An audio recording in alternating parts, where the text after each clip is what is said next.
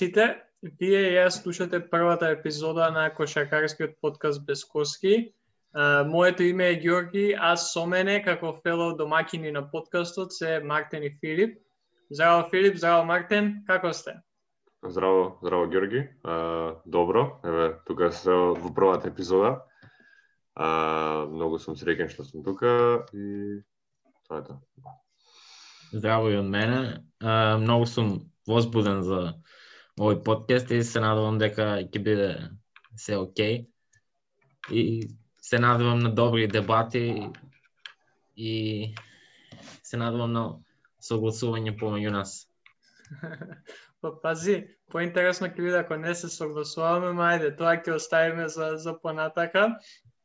А, чисто да се, ја викам, преларам уште од старт да се представиме онака шакарски да се представиме, не кој каде студира, учи било што, туку а, каква ни е поврзаноста со кошарката, за кој тим навијаме, за да знаат оние што не слушаат што да очекуваат, бидејќи сепак реално ова ќе се обидеме ние најобјективни да биеме кој што треба, ама секојаш тие некои наши субјективни гледишта која се однесува за одредени играчи или екипа ќе бидат присутни. Па така еве ја ќе почнам. Ја од не знам, од, од пето оделение мислам почнувам да играм кошака, ама никогаш не ме бивало за кошака. А, и затоа некаде, не знам, седмо, осмо викам, почнав да, да, она, да, да учам поеќе како да се биде кошакарски тренер и тука некаде сум сеа. А, имам некој искуство и со, со, со тоа да бидам тренер и, и, и тие работи. Никогаш не ме било за кошака, така што добар сум у, у додавање и одбрана. Шут никако. А, мислам дека поеќе од мислам слушатели, тие што не слушаат може и ќе се препознаат ова, ама тоа е. А, омилена екипа ми е Партизан, бидејќи ја неам неам некоја NBA екипа за која што за која што навивам. А, така што идам со со белградски Партизан. А, од не знам, од 2010 ги следам нон-стоп и се обидувам колку толку да беам утек со, со тоа што се случува во клубот.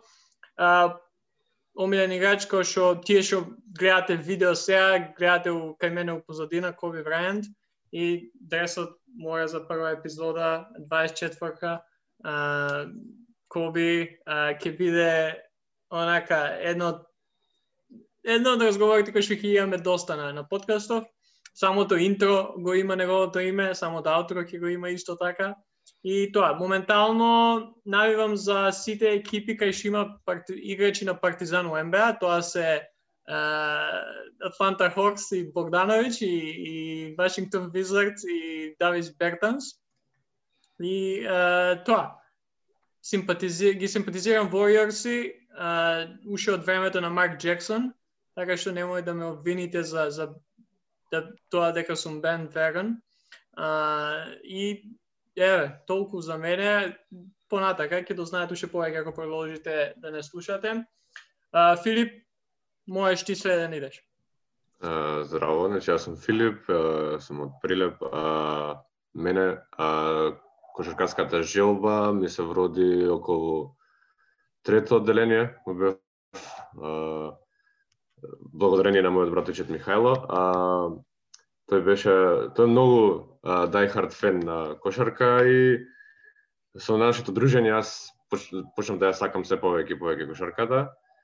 А, играм кошарка, сега моментално не заради студирањето, ама практикувам колку што можам толку да спортувам. А, до средно а, играв во Прилеп во Кралеви, па во Мега баскет, А тука кога дојдов се залагав повеќе за факултет и сега си спортувам и играм кошарката, баскет, само лично за мој интерес. А, имам добар шут. А, тоа ми е вака signature. А, висок сум 2-0-0.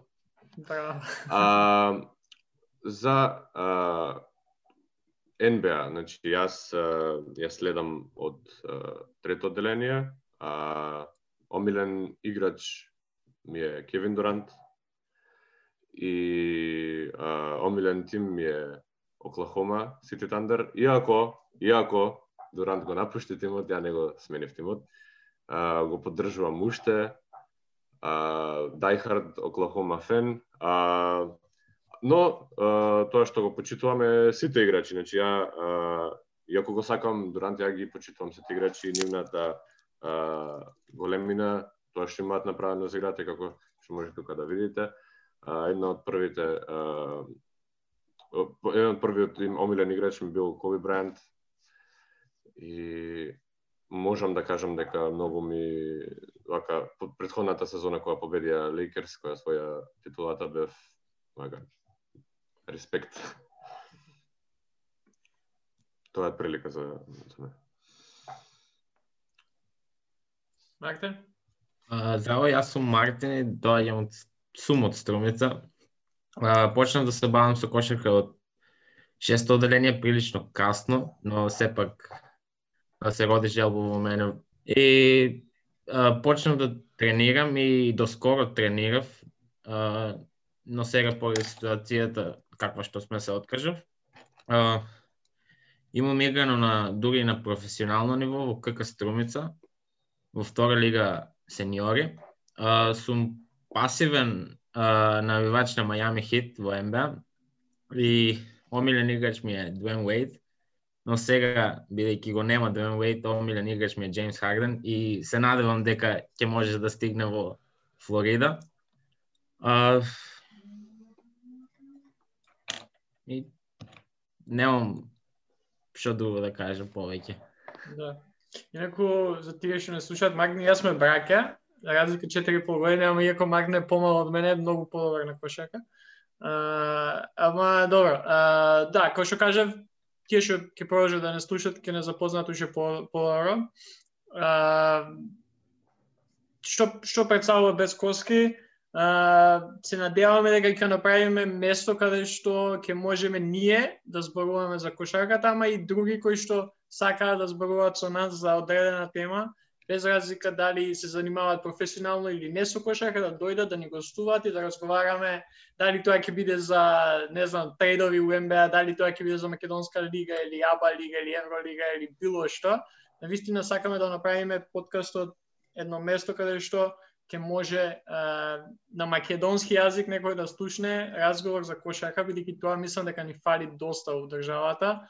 Има милион различни подкасти и шоуа и све на на англиски јазик поготово, ама на македонски се многу ретки, многу тешко а, се доаѓа до таа информација на македонски јазик.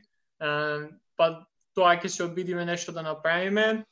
Форматот на подкастот ќе се одвива у тоа што првите едно десетина минути ќе поразговараме за најновите информации од светот на кошарката. Најчесто тоа ќе биде од НБА, бидејќи реално најактуелни се и нај а, најдобри кога стана збор за кошарката.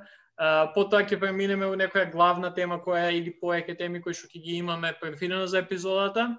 За денеска темата ни е да ја најавиме источната конференција а, во предстојната НБА сезона, така што ќе поминеме едно, едни добри пола саат 40 на минути на тоа, ќе поразговараме а, за сите екипи во, во конференцијата, ќе даваме некои наши видувања и некои наши а, гледишта кај што и ќе избереме кој ќе кој ќе влезе у плейоф, она малце по поинтересно да ја направиме за да видиме на крајот од сезоната кој бил највеќе управо. Uh, и на крај, ја ова највеќе го чекаме, тоа што ќе имаме наш драфт, каде што секоја епизода ќе имаме изберено тема и а, во распоредот кој што ќе биде а, одреден, ќе драфтуваме ќе драфтуваме од таа одредена тема. За оваа прва епизода ќе правиме драфт на нај, тоест на најновите CD NBA jerseys. А, така што ќе бираме кои се најдобри нови uh, City jerseys во, во, во NBA за 2020-2021 сезона и на крај ќе може тие што не слушате и што не следите на социјалните медиуми да гласате кој има направено најдобар ростер од, од дресови во овој случај. Па така, без многу uh, да должиме сега, да преминеме на да преминеме на а, најновите случувања а, од НБА и актуелности. Ја ја би почнал со тоа чисто да им дадем да дадем информации на што се случува по почетокот на самата сезона. Не знам дали имате видено, тоест дали имате гледано некои од утакмиците од пред сезоната која почна пред неколку дена. Ама да, МБА веќе започна со дневни е, тренинзи, со дневни тестирања за корона и секако пред сезоната нема да играат у бабл како што беше во Орландо е што е голема промена. И е, тоа, јас сега може, ако сакате да чисто да поминам по овие точки кои што се у uh, Health and Safety Protocol Guide uh, од МБА кој што ги има дадено, за да бидеме запознаени, бидејќи едно од предизвиците, јас мислам, оваа сезона што ќе биде, е тоа што дали уствари ќе имаме цела сезона моментално имаме закажено 38 утакмици, ако не се лажам. А, пола од утакмици, или 36, не сум сигурен. Да, како што кажа, и самата сезона е поместена подоцна, започнува на 22 декември и до сега ова се случува многу ретко, сигурно памтите за NBA Lockout, mm -hmm. и ова е историја во пишувањето. Um, Да, од, од тоа што што го имам што го имам пред мене, а што го има објавено на НБА лигата е тоа дека доколку е на пример еден, не знам, било кој играч во НБА тестира позитивен на корона, нема да се прекине или нема да се откаже утакмицата на, на тимот за кој што игра, се додека не се докаже дека има а, кластерот, тоест дека го има проширено на, на цел тим или на повеќе тимови, така што не знам доколку еден од играчите на Мајами Хит поз, е, тестира позитивен, не значи тоа дека веднаш ќе се откаже утакмицата, туку ќе продолжи. Тоа е едно од, од, од, од важните работи кои што треба да, да се спомене. Секој што кој што ќе тес, ќе биде тестиран позитивен, ќе треба да се врати, тоест ќе може да се врати после 10 или повеќе дена од, од првиот позитивен тест, или ако се тест, ако тестира два пати негативен, а, во а, период повеќе од 24 сати. Да, и, и тоа е. Тимовите се лимитирани да носат до 45 луѓе кои патуваат, кои играат на страна, вклучувајќи ги 17 играчи и нема уште назнаки да кажат еве ова ако се случи готово суспендираме сезоната така што ќе биде доста онака флуидно и ќе се ќе се гледа како се одвива ситуацијата која ќе има вакцина мислам дека лигата и а, асоциацијата на на играчите ќе мора да договараат како што тоа ќе ќе смени некои работи, ама најверојатно дека сите играчи ќе мора да ја примат таа вакцина за да може да играат. А, и да, тоа тоа мислам дека е она нај најважното. Да, а, не се 39, 49 утакмици сега за сега се закажени. Тоест 49 утакмици за предсезоната која што завршува на 19 декември, ако што спомнати Филип на 22 па да. се до средината на мај, а, иде се регуларната сезона и финалето се очекува на 20, тоест на некаде во јули да се да се одржи. Така што ова, ова најбитното поминавме. Ако имате да. нешто да дополнете, слободно. И играчите не смеат да во текот на сезоната не смеат да излегуваат надмор од своите тимови и не смеат да одат во ланџес, во клубови, во барови, бидејќи ако одат, ќе бидат суспендирани или на најразлични начини казнети, или со warnings, со опомени само. Зависи... Да, да се дополнам, тука имаше и uh, еден стейтмент дека може да добијат и автоматски пораз, доколку се случува често и многу играчи тоа го направат. А, тука би сакал да дополнам за тоа што а, како што видовме претходниот плейоф, А, сега НБА сака во следнава сезона да вклучи плей-ин турнир. Тоа што значи дека а, седмиот и осмиот а, тим плюс 9 и 10 би играле како еден турнир за да се одлучи кој тим, кој два тима ќе одат во плейоф. Ова мислам дека е интересно заради тоа што би било по компетитивно, нема да има такви да ги наречам утакмици без значење, туку да се борат за нешто. Да, исто така има и некои други промени, како во смисла кој тим како би играл во својата конференција, во својата дивизија и а, All-Star. All-Star викендот дека се поместува. Најинтересно мене ми е за, за плейн турнирот е тоа што, а, нели, седмиот со десетиот, осмиот со деветиот, ама а, за деветиот да влезе, наместо еден од тие два, треба два пати да го победи противникот.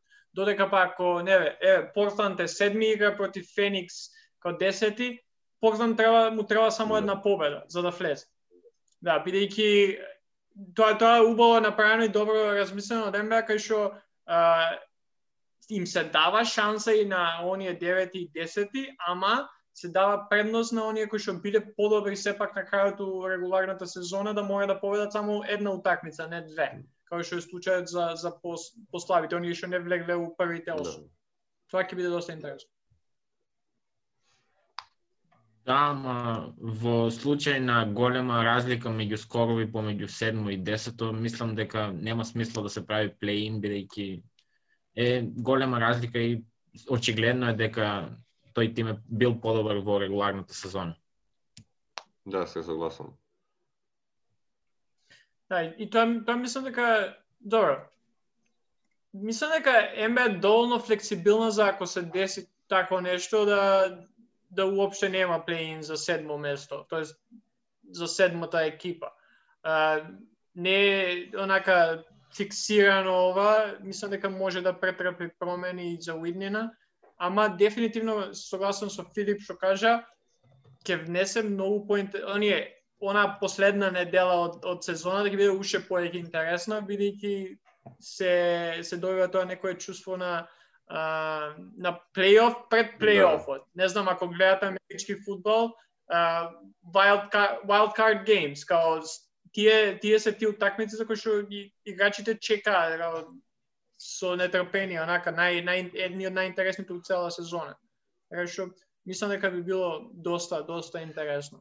Да, и како што кажа Мартин, тоа е многу добро заради тоа што беше а, наместено сега да би биде за четири утакмици или а, помалку. Значи, осмиот тим, например, има 40 победи, а, деветиот тим мора да има 36 победи. Ако има помалку победи од 36, тоаш нема плейн. И тоа, тоа мислам дека е многу добро правило.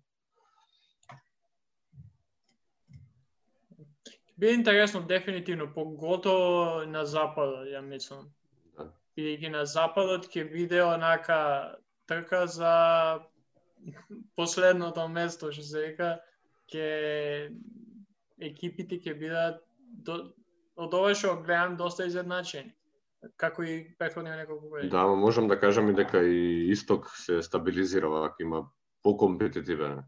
Иако првите екипи се така подобри. Да, за, за, за она левел, левел подобро од, од другите. А, добро, имате уште нешто за ова да кажеме или да преминеме на, на трет гласини? Ја сакам за Харден да зборим. Да, да. Кај ќе оди? Може да преминеме. Каде, каде ќе заврши Джеймс Харден? Во Хјустон. Таа сезона во Хјустон. Никој не е спремен да даде толку многу колку што бараат Хјустон за Харден и не верувам дека ќе оди во барем оваа сезона во ни еден друг клуб. Работата за трейдов со Джеймс Харден е тоа што а, за да го добијат Харден треба да, да дадат многу играчи, многу пикови и едноставно треба пола тим да се трейне само за еден играч. А тоа така размислуваат другиве тимови, а Хјустон како размислува е како што беше случајов со трейдов во Бруклин, или ќе ни го дадете Кевин Дрант, или ќе ни го дадете uh, Кайри Ирвинг. Некој од тие два играчи плюс уште некој. Така што ја мислам дека нема тим што би се нафатил сега да даде една звезда за друга, пошто како што, како што видовме последниве години се формирање на супер тимови и мислам дека повеќе би дале некои ролплеер играчи, да ги наречам, отколку звезди. Или како во ситуацијата со Филаделфија, Хјустон го барат или Бен Симонс или Джоел Ембит, а Филаделфија не се спремни да ги пуштат ни двојците играчи. Добро, ја, јас сепак мислам дека трейд трейд Бен Симонс, Джеймс Харден е не знам, win-win за за двете екипи. Да, ама ја мислам дека Хјустон би барале плюс плюс играчи пошто а, искрено Бен Симонс не е на истото ниво на Харден. Харден е подобар играч. Да. Добре, да, ама, ама со Харден тоа со Бен Симонс добиваш повеќе години од колку што би добил со Харден. Тоа Да, да, да, да. Ама сепак Бен Симонс не уште е стасан на тоа ниво, а, имаше повреда што не играше првата сезона и сега за сега нема развиено добар шут, така што мислам дека не би му одговарало на Хјустон. Да. Хјустон му треба лидер. А, Да, и веќе Бен имаат- Симонс е. Личен стил на играч во Џон Уол и Џон Уол не е познат по своите шутерски способности и не им треба друг плеймейкер во екипата со, заедно со Џон Уол. Да. Добро, јас јас сепак мислам дека би било интересно да да се направи трейдов од од проста ситуација што не гледам како Бен Симонс и Джоел Ембит можат нешто да направат заедно поеќе у плейоф. Не ми се компактивно. Да, да. Да се согласам со тебе и тука има помош од Ал Хорфорд и од Тобајас Херис. А, многу играчи кои што имаат потенцијал, ама едноставно а, тоа е ситуацијата, ако има многу звезди, а нема хемија, тоа е гушење. И мислам дека тоа беше случајот со Филаделфија. Од друга страна, да се надоврзам за трейдов со Харден, ја мислам дека ако би имало трейд, Харден би завршил во источна конференција, како што што кажавте Филаделфија, Бруклин се места кај што би го замислил а, Бостон се откажа, Милвоки или Мајами. Да, ја, оке, ја лично се надевам дека нема да биде трейдуван. Барем што се однесува да, да не биде да не мора дополнително да да правиме најава за за екипата кај што ќе оди. Знаеш, која ќе направиме за источна и западна и ако Джеймс Харден биде трейдуван некаде, целосно се руши било какво предвидување и најава за за за Хјустона и за за другата екипа кај што би заоди. би имале апдейт, нов апдейт. Да. Да. Uh, добро, ја немам некој поеќе онака вести за кој што би зборал. Uh, не знам, мене Океј, последно ова ме малце чуден ми беше договорот на Пол Џорџ кој што го подпише uh, пред неколку дена, не знам дали видовте. Да. Uh, колку беше 4 милиони, 4 години 100 190. 190. 190 милиони. А, не знам, ќе збориме за Клиперс и следната недела, ама мислам дека не као траекторијата на кон која се движат Клиперси не е на не е, не е добар. Да. Јас како што прочитав и како што слушнав, Клипер сакале да го трейнат, ама не добиле добар добра понуда и се решиле да му дадат многу пари, огромен контракт. И јас се согласувам со тебе, мислам дека не, не е добра опција. Да, има и една гласина во тема со темата Clippers, а тоа е дека Clippers размислуваат за да ги трейдат Патрик Беверли и или Луф Вилиамс и сакат да се да го отстранат договорот на Патрик Беверли бидејќи е тежок за отстранување и валјда има голем договор, не знам за Патрик Беверли, но размислуваат за тој трейд.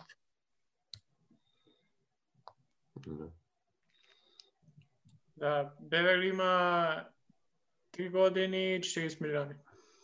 Што не е, да, не, не, не е толку големо, не е ни малку.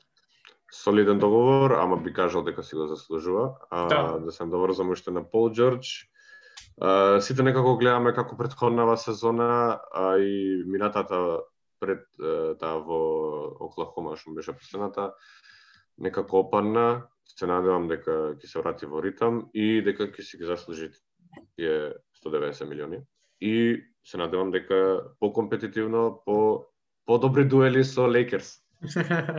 да, јас кога кога изгубија од, од Нагетси бев као, окей, може уште сега да им се даде титулата на Лейкерси, бидејќи реално Пиперси беа ке беа едни од оние кои што највеќе може да им се спротивстават на Лейкерс, ама тоа може за некој друго време да да расправаме, знам дека Мартин нема да се согласи со мене.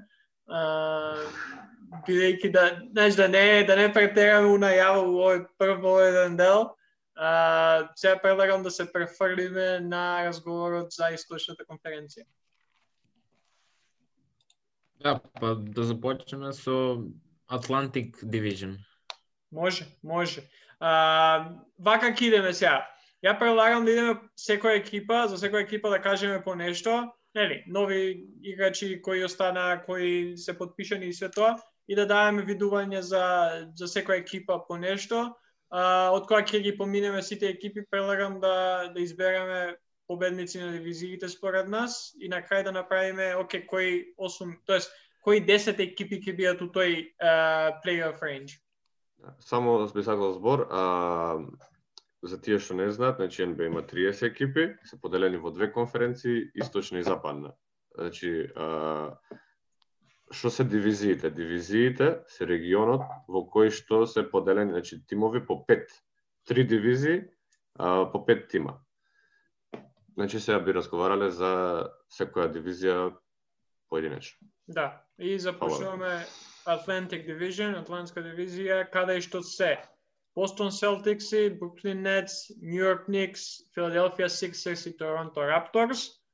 А, не знам, може да почнеме од Никси, пошто е, е, Да. едини штрчат овде од, овие пет екипи кои што ќе имаат лоша сезон. Да.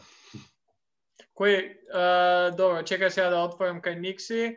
Значи, ростерот им има RG Берет, Реджи Булок, Алек Буркс, Майкл Кит Гилхрист, Неглен Снойл, Елфред Пейтон, Джулиус Рендел, Остин Риверс, Мичел Робинсон, Денис Смит Джуниор.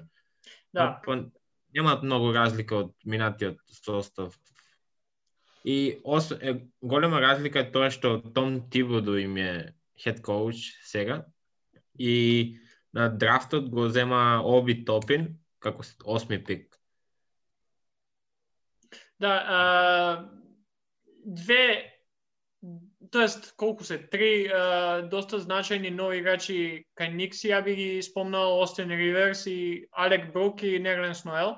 Мислам дека uh, Остин Риверс и поготово Алек Буркс ќе ќе бидат доста добри uh, рол играчи кај што ќе помогнат uh, и со со давање на поени, што мислам на Никси им фалеше uh, претходната година, но и со uh, тоа да бидат некои така наречени ментори на, на помладите играчи, бидејќи реално а, Никси, а, колку и да, да, да се лоши, сепак се во, а, во фаза на ребилд и тоа уште ран ребилд, тоест веќе се по, од која замине Кармел Антони одамна веќе они се во фаза на ребилд, ама сега доаѓа до тој некој степен да ја мислам дека имаат солидни играчи, тој солиден потенцијал кај играчите, не знам, Мичел Робинсон, RJ Берет, иако имаше лоша, релативно лоша сезона минатата година, мислам дека има добар потенцијал.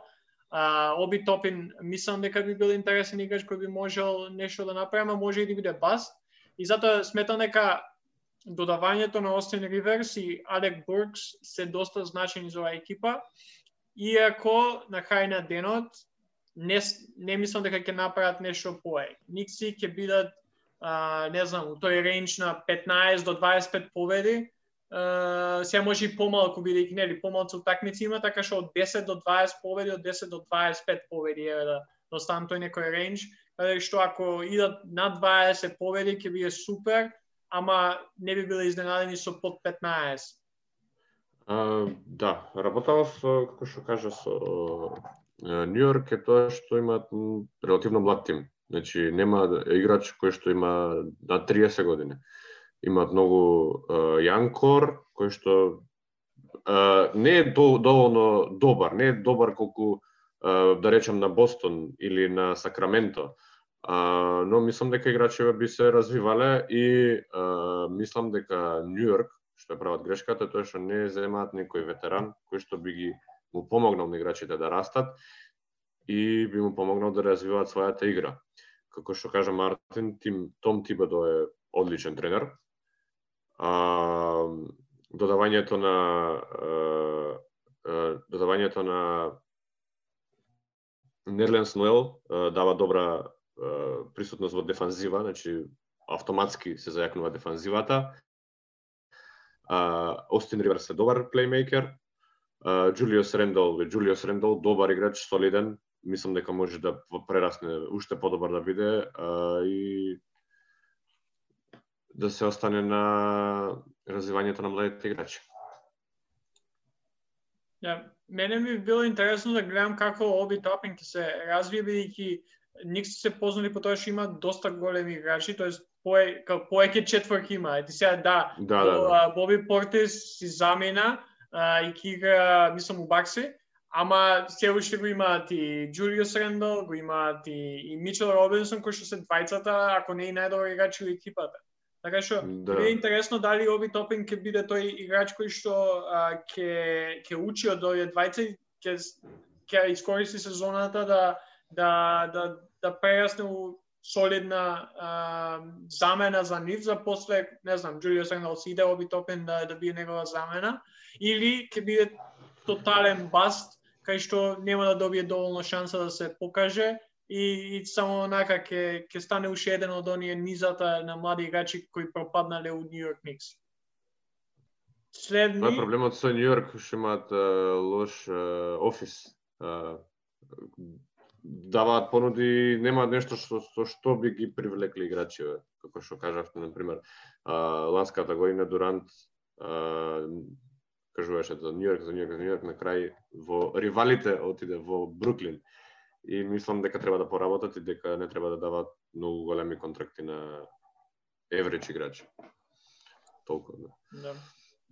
Uh, Мак, ако немаш ништо ти да додадеш тука, би се префрлиле на Бруклин Нетс, кои што беа четврти во оваа дивизија ланската сезона. Uh, по-добри. да, сега, сега имаат на дополнето ростерот за Джерет Ален, Брус Браун, Спенсер Денвиди, Кевин Дурен, Джеф Грин, Джо Херис, Кайл Ирвинг, Тайлер Джонсон, Диандре Джордан, Карис Лаверт и Лендри Шамет. Јас ги сметам за прво место во конференција според овој состав. Во оф-сезон се го сајн Джеф Грин, се го земале Тайлер Джонсон, го зеле Шамет од Клипер за за 19 пик прва рунда и во како хед коуч го зема Стив Неш плюс Майк Ди Ентони кој јас ги гледам како прво место во конференцијата со овој ростер како што го имаат. Да, мислам дека едно битно нешто што го задржа Джо Херис исто што го подпиша на, на повеќе годишен договор. Джо Херис е еден од најдобрите тројкаши у лигата и тоа што спомна Майк Ди Ентони ќе биде доста интересно да се види како ќе револуционеризира играта у напад поготово. Е сега, знаеме сите дека Бруклин ќе биде супер. Ма што правиме со одбраната на Бруклин? во одбраната на Бруклин. А, ја, Джерет Ален, најдобар дефанзивец на тимов. А, мислам дека како што кажа треба да се подобри, тука е Деандре Джордан. А, Джеф Грин е солиден дефанзивец, Кевин Дурант е добар дефанзивец, имаме проблем со Кайри Ирвинг, а, Да, не е баш добар. Дефанзивец, Џо Херис солидно, така што како што кажа Керис Леверт и а, а, Динвиди. Треба треба многу работа на дефанзивно е, ниво, е, како што кажав Джерет Елен тука предводи доминантен дефанзивен играч, а Ептен има присуство во офанзивата, тимов, мислам дека како што кажа Мартин, ако се успе, овој тим е најдобар во источна конференција. Сега како би била хемијата, имаме доминантни играчи, кои што барат топка, например Кайри Ирвинг, Кевин Дрант, и мислам дека кога даде на тој тим Джеймс Харден, ким требаше три топки за нешто да направат. Тука се и Карис Леверт и Спенсер Динвиди кои што се развиваат во многу добри играчи. Лендри Шамет е, исто така почнува да да а, цути Джерет Ален и да, Джо Херис како што каже еден од најдобрите шутери во цела лига. Да, и јас верувам во Диентони, бидејќи тој е докажан тренер во регуларната сезона и, и поради тоа сметам дека ќе бидат во првите места во конференцијата поради Диентони. Бидејќи знам дека тој може да го склопи тимот за регуларна сезона. Да, за регуларна, ама ако разгледаме и со Хјустон, и со Лейкерс, и каде што бил Феникс. Майк Д'Антони, има проблем со одбраната, ама тука е а, а, Стив Неш и мислам дека best of both worlds ако се издвои ќе биде најдобро за. Мене баш као не знам која која беше назначен Неш за за тренер. Дали дали мислите дека е она нај најдобриот човек за работата или може неци да да, да земат некој подобар? Па може, еве, например, Майк Дентони може да го стават хед коуч. Док Риверс тука беше на почетокот, нели, ама одлучи за Филаделфија и ризик, преземаат ризик, така што ако се исплати, јас мислам дека добар а, добар ментор е Стив Неш, како работеше со Дурант, има работено со многу млади играчи, со Тейтум, а, мислам дека дека треба да се докажи, но мислам дека би бил добар коуч. Да, јас мислам дека има потенцијал да биде налик нешто на Стив Кер. Стив Неш сега го сто пати по играч од Стив Кер, иако ово има повеќе титули. Ама онака кога кога ја видов објавата, мислам дека реално на, на, на Кайри и на, на, на Кейди заедно не им треба некој голем авторитет. Бидејќи видовме што Да. се деси со, со Кайри у Бостон. Имаше Бред Стивенс. Кајри ништо не направи и си замина одма. Uh... Работата со Кайри Ирвинг е, како да го наречеме, секогаш би бил втора виолина. Значи, Кайри Ирвинг е втората звезда. Сака да се докаже како прва звезда и почна да се докажува во Бостон, но Uh, мислам дека имаш некој леона токсичност тука и му треба играч како што беше Леврон Джеймс, сега Кевин Дурант.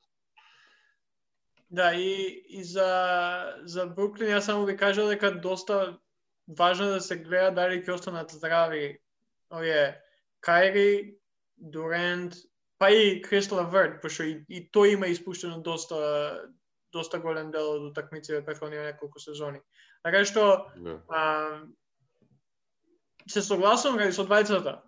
Ако останат здрави, ако го најдат тој не, не, некаков ритам, Кайри, Кейди, а, Динвиди, Харис и останатите, мислам дека се дефинитивно топ две екипи у конференцијата, и топ пет екипи у, у цела, цела лига.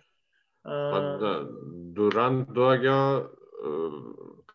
камбек од најтешката повреда во позната за кошарката, значи скина хиловата тетива, паузираше, А, никој играч до сега не, би, не бил истото после таа повреда, така што ќе биде интересно да видиме како ќе се врати.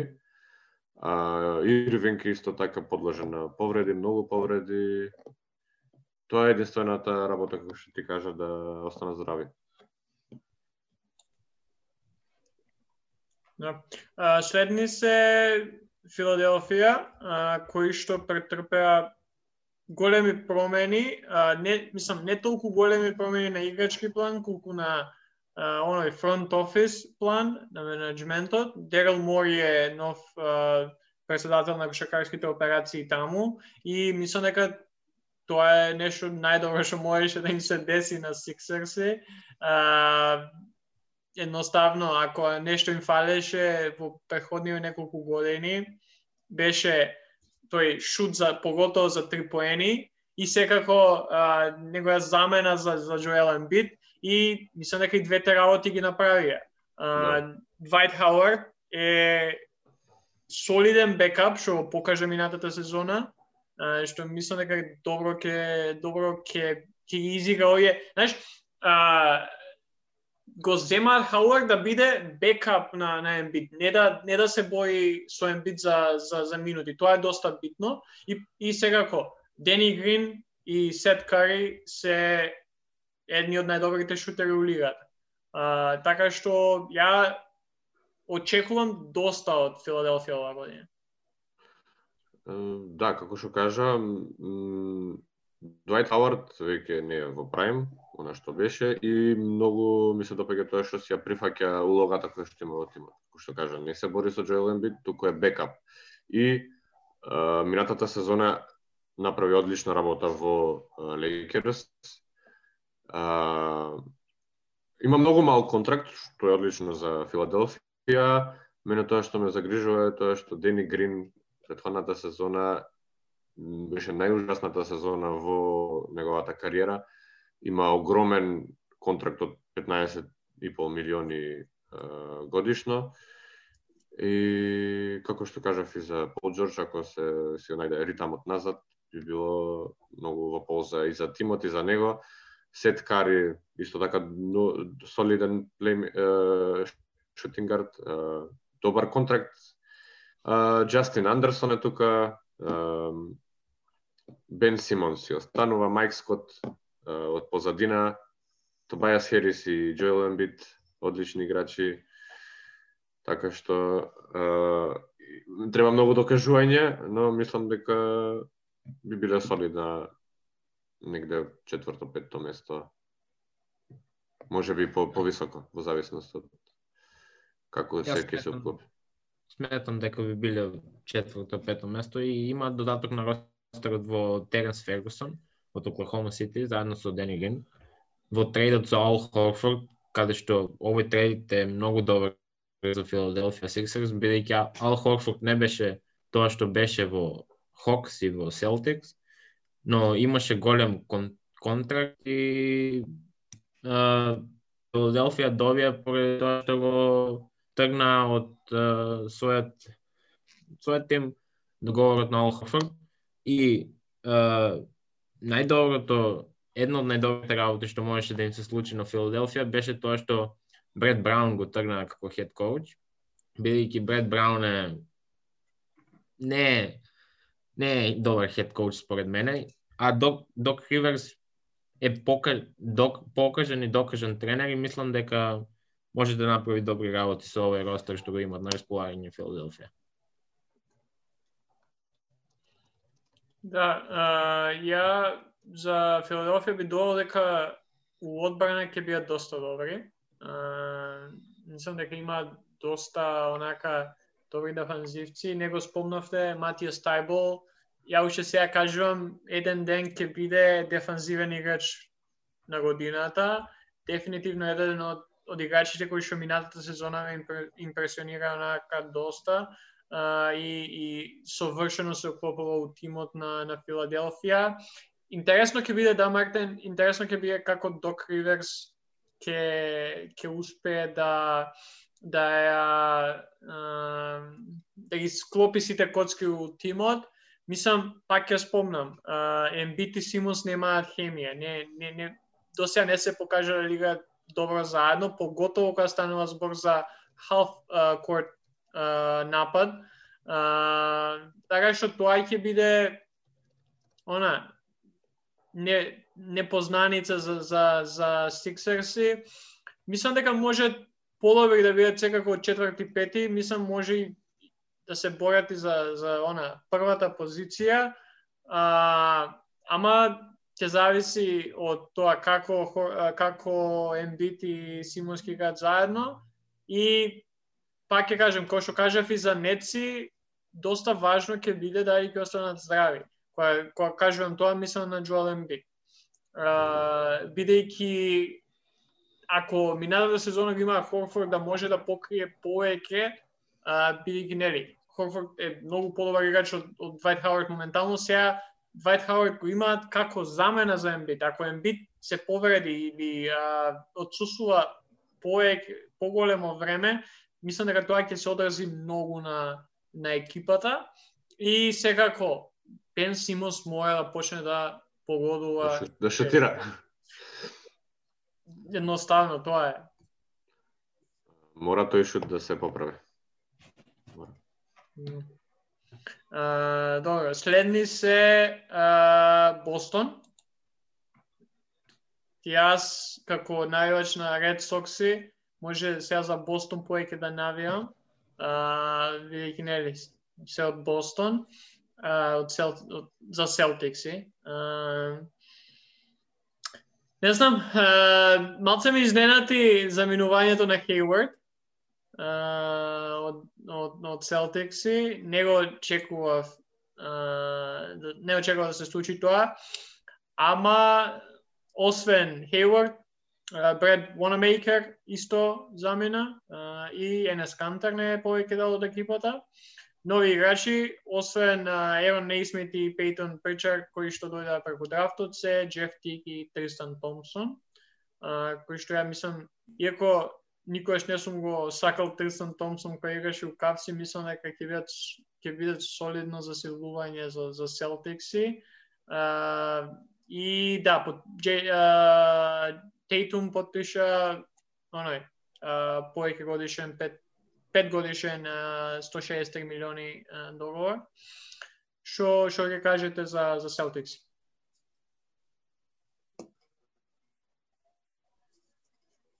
Па, како сезона, бидејќи го тргна Гордон Хейлорд од својот ростер, бидејќи Хейлорд игра иста позиција како што игра Тейтум и Браун и мислам дека тоа е побалансиран состав од колку претходната година.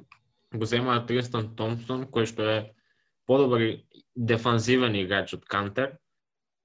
Кантер беше лабилност во одбраната претходната сезона, посебно во плейофот и ќе ги подолат минутите со Даниел Тајс, каде кој исто така е добар дефанзивец. А, долгорочно го зачува Тейтум, му дада 195 милиони за 5 години и имаат замена за Кемба Локер во смисол на Джеф Тик. Мислам дека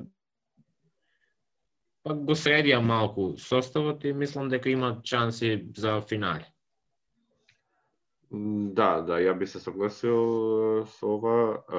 Да се наполнам на Хевард. Хевард заминувањето не ме изненади толку многу да кажам, затоа што првата такмица пред две сезони се повреди, пред три, на 2017 2018 се повреди, страшна повреда, едноставно немаше среќа И после повредата не беше тој играч. неговото место се пополни, многу поголема минутажа и одговорност се даде на Джелен Браун, на Джейсон Тейтум и многу многу брзо прераснаа во суперстар играчи. А, така што Хейвард едноставно се жал ми е што да кажам, се надам дека може нешто да направи, ама едноставно се игра за бари не знам колку може да постигне, колку би постигнал. А, заминувањето на а, тоест до- е, доаѓањето на Тристан Томсон и на Джеф Тик е многу голем плюс, се заекнува одбраната, Тристан Томсон е добар дефанзивец, Даниел Тајс исто така добар дефанзивец и а, она што им е во полза на играта на Бостон е што Даниел Тајс и Тристан Томсон ја шират одбраната и им даваат место на а, за работа. На Джейлен Браун, на Джейсон Тейтум и се разбира Кемба Уокер. Кемба Уокер страшен играч. Еден од најдобрите поинт гарди во играта. Маркус Март е тука одличен дефанзивец. И така, останува уште тако фол да се вклучи во ростеров и for the memes. не, таков фол го видуваш. Има, има мислам подпишено сега two-way contract, така што уште е у, у екипата. А, сега само а, да некој моје видување, Тейтум и Браун, кој што спомнати, ја би ги кажал топ 3 бековски тандеми у лигата, а, каде што потенцијалот е тука, сега се веќе една година постари, а, доста напредува минатата сезона, а, поготово Тейтум со неговиот off the dribble шут од, од, од далечина, може као стилот на Дуран да, да реши а, и утакмици, а и двајцата се добри дефанзивци, каде што Браун мислам дека се покажува да може да брани он бол поеќе позиции, тоа ќе биде доста доста интересно да се види против екипи како што се Бакси, а, како што се а, па и Мајами Хит, Лейкерси, а, ако дојдат до, до тоа финале. А, највеќе нешто што ми се свига е начинот на кој што а, ја подобрија ротацијата у екипата. А, вие спомнавте Тајс и Томсон а, горе, а, што се вика Джеф Тиг е неколку пати подобар а, играч од Бред Вонамейкер, кој што играше поет кој што требаше мината сезона, ја мислам, ама у недостиг на, на замена а, играше.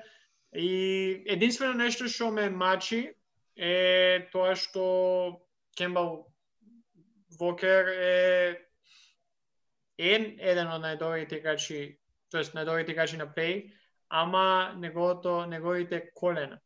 А, инак баш преска читав, ќе го пропушти почетокот на сезоната и се очекува некаде до крајот на јануари да се врати. А, мислам дека тоа е она што што ќе од, од кое што ќе зависи целата сезона на Бостон. А, може они имаат покажено до сега дека дека може да играат и без а, она без Кемба или без Ирвинг пред неколку години, ама ама дали тоа ќе биде доволно ако еве Кемба Вокер не може да да да се придружи а, или да да помогне колку би помогнал ако е здрав, дали тоа ќе биде доволно за финале? Не, мислам дека не. А, така што ќе ќе биде интересно да се види.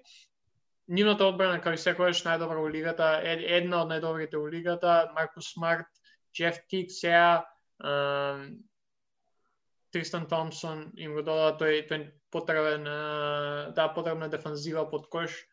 Ќе биде ќе биде доста интересна. Ја ја вие викате Нец, ја мислам дека Бостон може да биде онака победник у конференција. Да, е, па тоа што сакав се баш да го кажам е што три да ги наречам еве четири нека бидат екипи кои што ќе се борат за топ местото. А, Бостон, Бруклин, а, Мајами и Милвоки. Можам да ги вклучам тука и Торонто, но мислам дека ќе опаднат се изгубија некои играчи, ќе зборуваме. А во Бостон го имаат и Бред Стивенс и со растењето на Джейсон Тейтум и на Джелен Брам, мислам дека да би успеале до финале ако не и титула во идните 3-4 години. Супер. А, Мартин, ако немаш ништо да, да, да доаеш за Бостон, да преминеме и на последната екипа од оваа дивизија, а, Торонто Рапторси, кои што ја освоија дивизијата миналата сезона. А, И освоија титула пред минатата сезона. да, да. Па новата сезона е интересно ќе играат во Тампа, мислам. За полесно патување за во овој во ова време, во ова пандемија. И има а, ги загубија Марк Гасол и Сержи Бака од претходната сезона, а ги додадоа Ерон Бейнс и и Алекс Лен. И мислам дека ќе бидат негде пето-шесто место во истокот, како не направија некои промени, нема некој суперстар во екипата. Паскал Сијакам се докажува во регуларната сезона, но паѓа во плейоф секоја година. Кайл Лори не е на нивото на Кавај Ленард од предходните од предходната предпредходната година и мислам дека нема шанси оваа година. Работата е, а, значи, Паскал сјакам да прераснува во добар играч, но му треба да додаде нешто на играта. Еден спин мув или one trick pony, мора да додаде нешто на играва. Веќе почнуваат да го да дознаваат како да го задржат, како да го спречат од успевање, како да спречат да постигнат поени. Кайл Лаури е, е, се подобри, но мислам дека е, единствената причина зошто освоја титула беше Кавај Ленард, Кавај Ленард лидер, лидер на екипава треба. Кај Лаури и Паскал Сјакам не се лидери на екипата. Фред Ван Влит исто така многу се докажа претходниве две сезони. Норман Пауел е тука. Крис Буше, Оджи Ануноби, со додавањето на Арон Бенс и Алекс Лен добиваат на центарска позиција, но не може да се споредат со и Бака и со Гасол, така што очекувам нивната игра да опадне. Да, јас јас баш кога се спремав за Рапторс имам напишано одбрана, одбрана и само одбрана. А, како таму е нивната шанса. А, лани беа втори во дефанзивен рейтинг. А, скоро па сите, освен што вие ги спомнавте Гасол и, и Бака се враќаат. Ван Флит клучно за силу, тоа подпишување го задржа на повеќе сезони, мислам дека ќе биде е, е добар потек на на Рапторси. Оджи Аненоби Сиакам а, Бушер добро засилување исто ед, еден годи, едногодишен договор, мислам дека ќе ќе биде онака баш квалитетна квалитет квалитетен донаток на екипата. Е сега ако за не знам, за, за Неци беше тоа дали ги останат здрави или за, за Сиксерси дали а, Симонс и Ембит ќе може заедно да играат, кај Торонто мислам дека прашањето е колку а, колку Алекс Лен и Ерон Бейнс ке може да ги заменат Марга Сол и Сер, Серджи Бака, поготово тој некој фронткорт спейсинг каде што а, и Бака и, и Гасол буквално доминираа претходниве две сезони. А, Бейнс е добар шутер, ама не знам. Не, не, не Не може да се замени тој шут и дефанзивноста на Ибака. добар спейсинг, како што кажа. Исто и Гасол, значи Гасол, кој што памтам играше многу и на тројка позицијата. И едноставно се многу различни играчи. Лен е баш класичен класичен центар кој што во модерна во НБА сега моментално искрено не функционира толку добро. Да, за спейсинг окей, ама ако имаш спейсинг и шут, тоа е плюс и не може да се спореди со Гасол, а Бейнс да добар дефанзивец, ама е полоша верзија на Ибака, да речам, и шутот не му е толку добар. Да, јас само само ќе додадев као Бейнс е добар шутер, ама и е, екипите го бранат како, знаеш, кога му кога Бен, Бен Симос му даваат да шутира, као да, он ќе погоди еднаш у три пати или еднаш у четири пати. И затоа екипите го бранат и му даваат повеќе простор за да шутира, бидејќи окей се со тоа ако Бенс поводи еднаш у четири пати или два, два пати у шест обиди. Про, а, тоа ќе биде голема разлика, ќе видиме како а, како ќе како тоа ќе се одрази врз, врз екипата, врз целата екипа и целиот перформанс на екипата. А, добро. Ја Ајде, вие вие двајца бирајте први кој ќе ќе освои дивизијата, ја ја последен да да изберам. Па, ајде јас прв. Мислам дека дивизијата ќе освои Бруклин Нетс, по нив ќе се Бостон Селтикс, па Филаделфија Сиксерс, Рапторс и на крај Никс. Да, јас се мислам да кој би го ставил прв, Бостон или Бруклин на прво, второ место, Филаделфија трето, Торонто четврто и Нью Йорк пето. Искрено мислам дека е, е, би му дал мала предност на Бостон заради тоа што се поздрави играчите, немаат страшни повреди и мислам дека тие би биле. Да се согласуваме за трето, четврто Малку си ја, си, си ја побивам, извини, малку си ја побивам можеби е, тоа што го кажав преска, ама вака да размислам подобро. Извини, Добро. Мене, добро, ме изненади сега што го избрав Бостон, бидејќи ја мислев ќе бидам единствен што ќе избере Бостон. А, ама да, се согласуваме. Трето ќе биде Фили, тоест мислам дека ќе биде Фили, четврто Торонто и пето Никси. А, не е голема разликата помеѓу Бостон и Нец, ама ист, истото размислување плюс одбраната е тоа што мене ме ме тоа се одлучи се одлучувам за за Бостон да да да ја добија дивизијата. А ќе видиме за некаде да крајот на мај ќе ќе видиме кој бил право. А, следната дивизија е централна дивизија каде што ги имаме екипите на Milwaukee Bucks, Indiana Pacers, Chicago Bulls, Detroit Pistons и Cleveland Cavaliers. Мислам дека сега побрзо ќе ќе иде бидејќи реално овде имаме две релевантни екипи од од пет. А, да, ако, да, да. ако у Атлантик имавме 4 од 5, овде имаме само две. Да.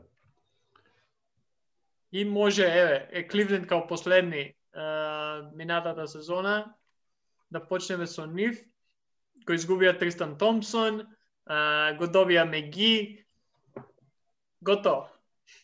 Толку. Толку. А, да. А, Кливленд се заглавени со Кевин Лав. И ова го кажав и минатата сезона. А, мислам, ова го кажав која минатата сезона го доведа Андре Драмонт. Зошто го доведа Андре Драмонт? А, лош трейд, а, лошо подпишување. Мислам дека не требаше воопшто, требаше да го остават да оди во друга екипа. Да, добар играч е, солиден центар, но не им, не, не им требаше Андре Драмонд. Кевин Лав е веќе надвор од Прайм, многу е, подложен на повреди. А, во екипа го гледа Меги, Меги е секогаш скоро секогаш бекап центар, а, од младите играчи Цеди Осман а, некако го достигнува својот максимум. Лери Ненс исто така а, Секстон а, и Гарланд се, да речам, најсветлите точки во тимов. Единствени, тие може... единствени светли точки, ја ви, ја ви кажам. Да. И Кевин Портер Джуниор, ама треба да видиме. Да. Па, нема многу што да се додаде за Кливленд и сметам дека Драмон, како што каже Филип предходно, дека таков тип на центри не, не се снаоѓа добро во денешната NBA. Па поради тоа сметам дека како Драмон како прва виолина во екипата Кливленд нема нема многу шанси во NBA. Ја само би кажал и би завршил со ова, Метју Делаведова е назад у екипава. Тие што гледат кошака повеќе време знаат што значи Метју беше еден од поглавните играчи која е, у првото финале беше со Warriors, така? Која да. Кайри и Кевин Лав беа повредени, така што ако за ништо друго, бар една утакмица на, на Кавси ке гледам само заради него тоа. Следни се Детройт, кои направија доста промени, ја ви рекол. А, Детройт, Кристиан Вуд се замина, Брус Браун и Лук Кенард. Додека пак се засилија со Джереми Грент, Мейсон Пламли, Джош Джексон, на драфтот го зема Килиан Хейз, кој што е еден од подобрите потенцијали, ја мислам, од драфтот. Джахил Окафор, исто така ново засилување. Или Анджело Бол. да, не го забравяш.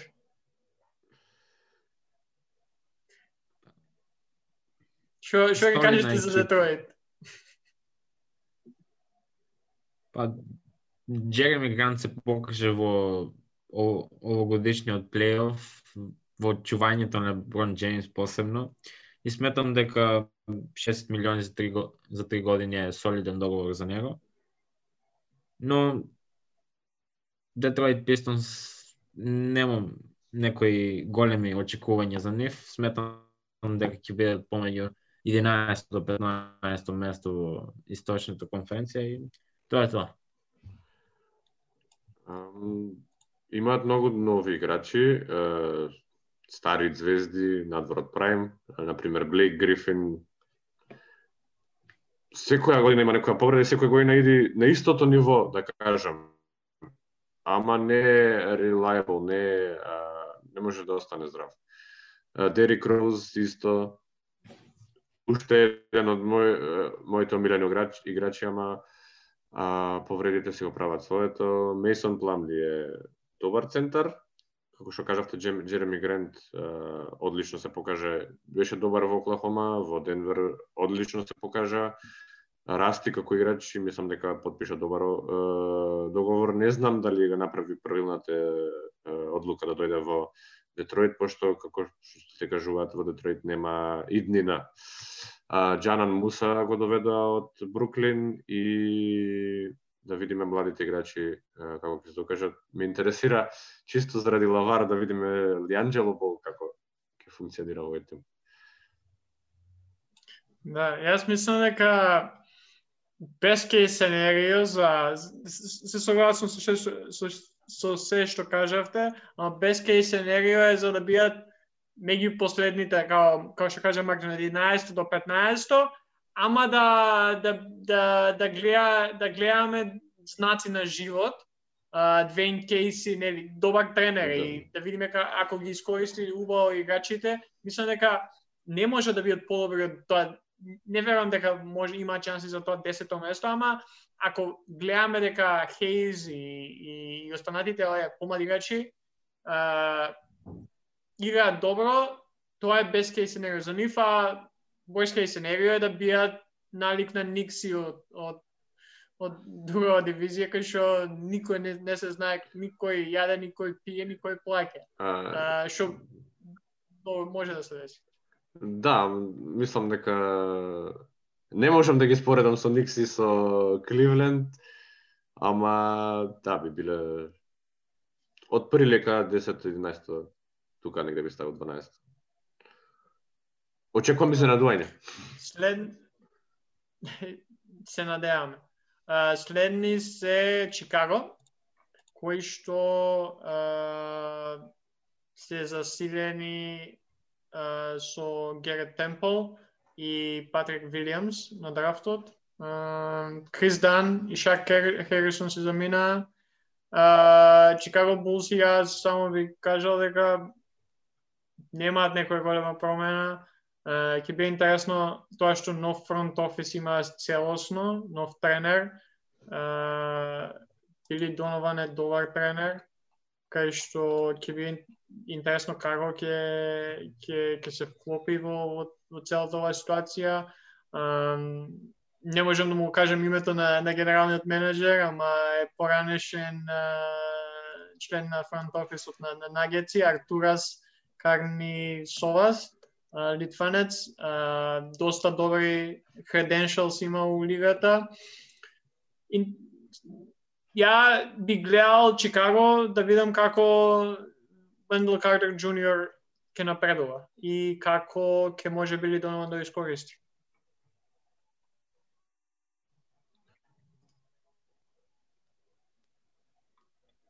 Uh, јас би додал дека uh, Зеклавин се оформува како добар играч, како добар лидер.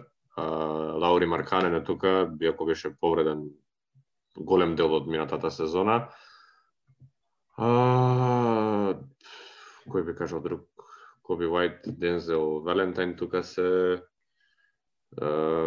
Герет Темпл, солидна екипа. Очекувам искрено некое 8-9 место од нив, зависи како би се Мислам дека би се докажале до, на, на, та, до да дека на тоа ниво може да игра.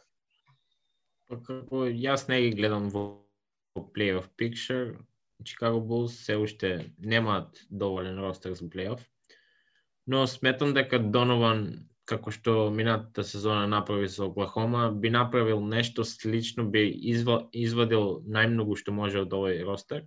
И сметам дека Донован е пол подок за Чикаго Булс.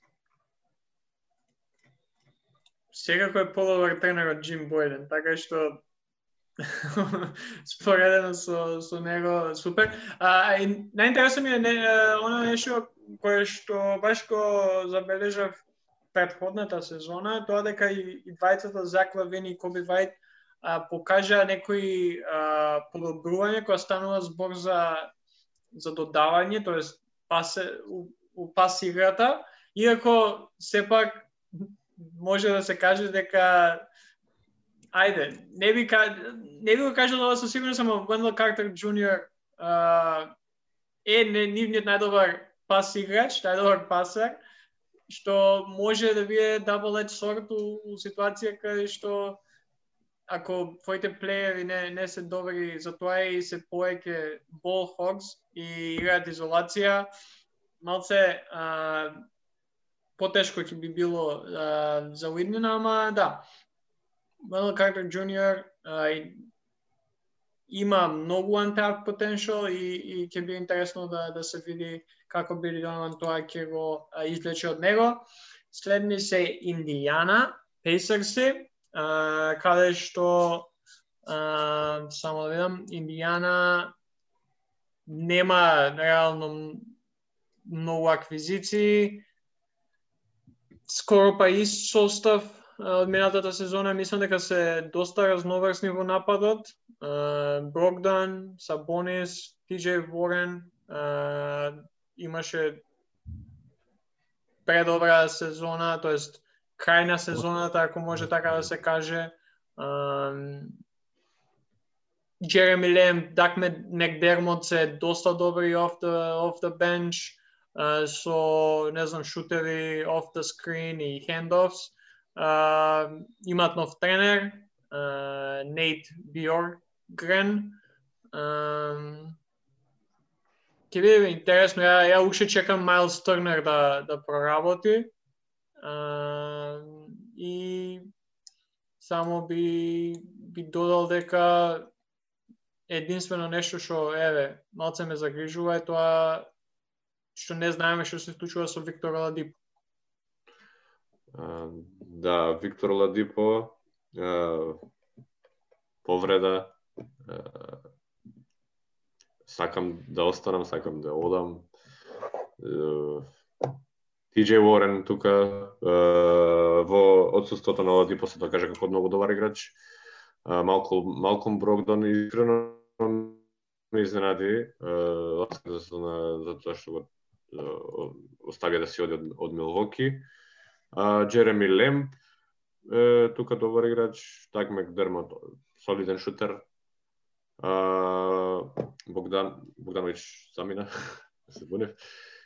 Джастин Холидей, Арн Холидей, Мајл Стернер, да го за малку ќе заборавев, еден од многу вака промисинг играчи има добра иднина пред него, добар центар и Сабонис кој што се докажува се повеќе повеќе. Па како кажи речи има тист состав и очекувам испласман, скоро испласман како минатата сезона. Прва first round exit и не очекувам многу од Индиана Пейсерс. Додека не, не донесат уште некој играч кој би ја надградил оваа екипа. Да, добра регуларна сезона, плейоф, разочарување. Да. Може И да за- изненадат за висока позиција, се извинувам, за висока позиција, ама Не, тоа е, тоа е Мил... Индиана а... реално толку е толку е потенцијал барем сега за сега. За крај централна дивизија Милвоки Бакси а, дали ова е сезоната која Јанис ќе освои титула? Не. а, јас мислам не. А, мислам дека западна конференција се многу добри. А, од источна мислам дека пак еве да му да дадам шанса да влезат во финале, ама мислам дека пак или second round exit или конференциско финале ќе изгубат. Прилично истим, а, не да даде некој некое големо име. Па, освен освен Джру Холидей. Да, но ги загубија Ерик Бледсо и Джордж Хил. Да. да заборавив за Джру Холидей, а да. Да, Бледсо, Джордж, Джордж Хил и Весли Матјус, еве, од, од позначајните. Джо Холидей, кој што дојде за, за целата иднина на, на Милвоки Бакс, која што ја дадова на Оклахома, и на, тоест не, на кој, на која дадова, на, на. Pelicans. Да, а, DJ Аугустин, а, замена за, за Джордж Хил, Боби Портес и Брин Форбс, ако се секавате на неговот од Спарс. Добар шутер. А, мислам, талентот е тука, поготово првите, нека не, не е да кажеш Big 3 у стилот на Кари, Дурент и Клей Томпсон, ама е доста добра тројка.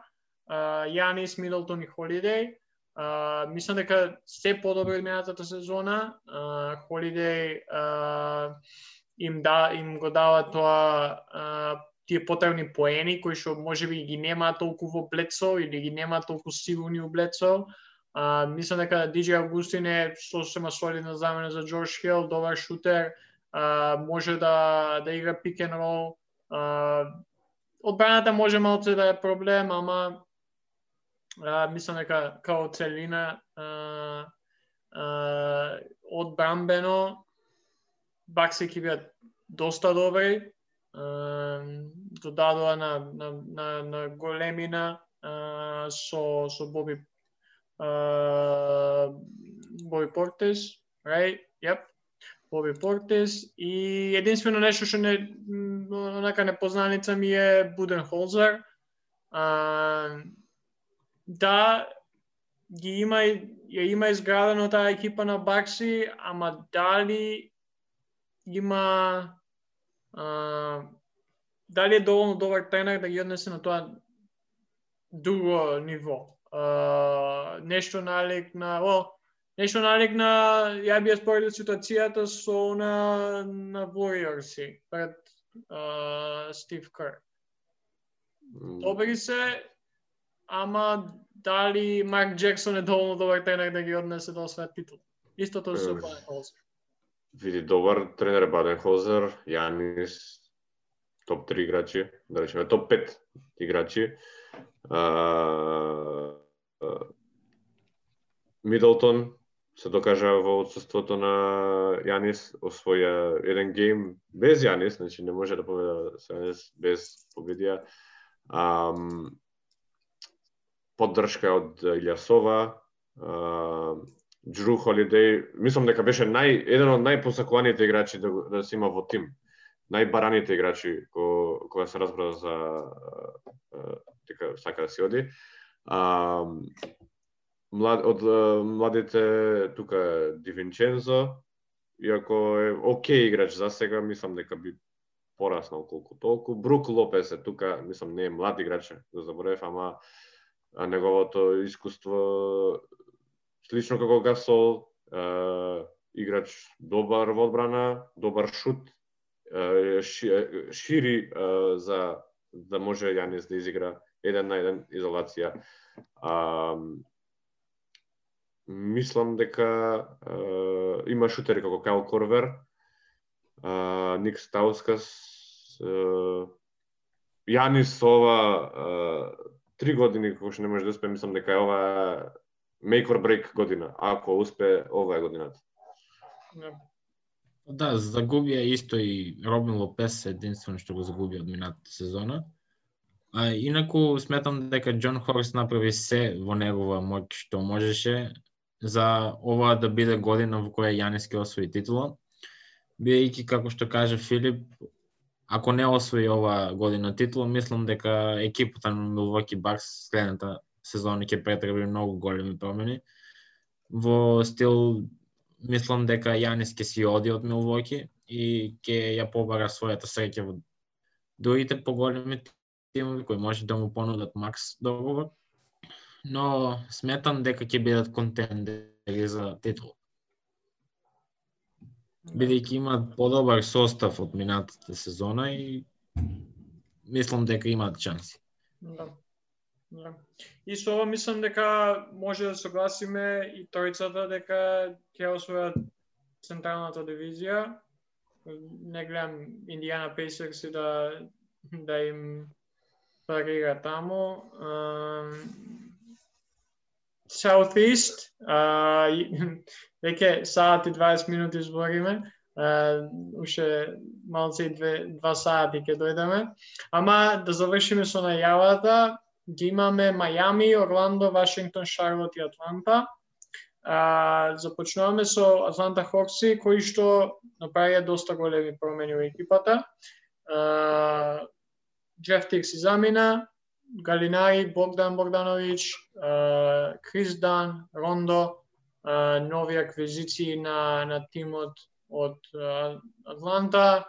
Јас сум, како што кажав и на почетокот, доста заинтересиран за нив оваа година. Богдановиќ ми е, уше, го, го гледам уште кога беше 18 години у Партизан. Дефинитивно мислам дека имаат голема разновидност во нападот. Галинари е добар нападачки ориентиран, ориентирано крило. Ќе биде интересно да, да се види како ќе искористат Богдановиќ. Рондо е добар плеймейкер кој што може доста да му помогне на на Трей Јанг, кој што еве сега дури го споменувам, е најдобриот играч у екипата. доста интересна екипа Едино нешто што за мене малце ми представува а, неизвестност е од нивната одбрана, бидејќи ни Галинари, ни Богдановиќ не се толку познати по таа нивна одбрана.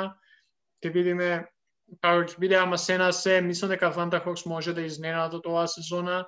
А, не со некое плейоф изненадување да изфрлат некој од контендерите, али дефинитивно да да влезат во плейоф, мислам дека има доста добра шанса тоа да направат. Па да, инаку да, да кажам дека за за дефанзивниот дефанзивната страна во Атланта Хокс а, го зема Оконгву, кој беше шести пик на драфтот и предходната сезона во коледж бележал три блокади по утакмица и 8,6 скокови по утакмица. Исто така го имаат земено Хил, Соломон Хил, кој предходната сезона беше во Мајами на ветерански минимум кој исто така ќе им помогне за дефанзивата. И Дан, кој го подпиша за 10 милиони за две години, кој предходната сезона имаше два, две украдени топки по утакмица. Што значи се имаат подобрено и на дефанзивната страна, но сепак не е на ниво на кое што треба да биде за да бидат контендери во истокот, но солидна екипа која сигурно според мое мислење ќе влезе во плейоф. Да, очекувам подобрување. Ланската сезона беа 14-ти, додадоа играчи, не изгубија нешто многу. А, Врежон Рондо е да речеме дека парира на а, на Тиг. Трей Јанг, најдобар играч на екипата. Богдан Богдановиќ се докажа во Сакраменто не толку доволно колку што може, колку што има потенцијал. Джон Колинс, еден од најдобрите, мислам, крила што во иднината биле, не е уште стасам до тоа ниво. Клинт Капела е тука центар. Мислам дека единствениот центар на, на, на екипата, Галинари е добар шутер, добро добро се вклопува во екипава и тоа е тоа прилика вака. Мислам дека би би се качиле за некое место, но колку треба да видиме како функционираат заедно. Да. Да, и Да. плюс да. има Кевин Хуертер и Кем Редиш, кои исто така се добри шутери. И мислам дека има солидна екипа, солиден ростер. Да, е, секако следните две екипи се екипите на е, Шарлот и на Вашингтон. За Шарлот јас само би спомнал дека ќе би интересно да се гледа Ламело Пол и како тој ќе ќе се снајде во НБА лигата. Пиджей Вашингтон е интересен играч. А, Мислам дека интересно ќе биде да се следи како тој ќе напредува. Ланската сезона а, доста беше добар. А, и да, Хейворд, не знам, не знаеме никој како ќе ќе се вклопи, што ќе направи, што ќе се деси и а, тоа ја поеќе за за Шарлот неа. Ако имате, додавајте. Шарлот исто како Нью Йорк даваат е, огромни контракти на играчи кои што не ги заслужуваат. Како не ме сваѓате погрешно, Тери Розиер е многу добар играч, ама многу голем контракт. Истото важи за Гордон Хевард. А, многу лоши одлуки се донесени во последните пет години, да речам, на страна на Шарлот. Майлс Майлз Бриджес е звездата која што треба да се развива. Тоа е најмногу гледам а, иднина и а, во него и во Ламело Бол. Значи тие двајца играчи мора да да се развиваат. Бизмак Биомбо го достигнува својот максимум толку центар. А, Малик Монк солиден играч. А, не очекувам некој голем успех од нив. Очекувам Исто. 14-15 место. Се согласувам со двојците. Тоа е за Шарлот Хорнец. немам што да се додаде повеќе. Да. Следни се Вашингтон Визард кои може да се каже претрпеа доста големи промени. А, еден од најексплозивните играчи е сега дел од Вашингтон Визард Расел Весбрук, кој а, беше трейдуван за Џон Вол. Дени Авдија е а, нивниот пик од драфтот. А, го зачува Давис Бертанс, го спомнав уште на почетокот, еден од најдобрите тројкаши у лигата и мислам дека она што ќе ги одликува Вашингтон се токму тој напад и та, тој тој firepower што се вика што го имаат, каде што Бредли бил еден од најталентираните, еден од најталентираните офанзивни играчи у лигата, има како може и шут и dribble и high ball screens, mid post uh, jump shot, uh, на вистина уживање да се гледа Расел Весбрук колку и манис да има сепак ланската сезона беше втор тим All NBA. Uh, дефинитивно еден од подобрите играчи у лигата. Uh, Давис Бертанс најдобар, еден, за мене најдобар тројкаш у лигата, ама еден од подобрите Томас Брајант исто е добар, а, добар у, у напад. Интересна екипа. Ја мислам дека дека Wizards се подобри Хокс. Дефинитивно и има мислам дека има шанса да изненадат да изненадат контендер у плейоф.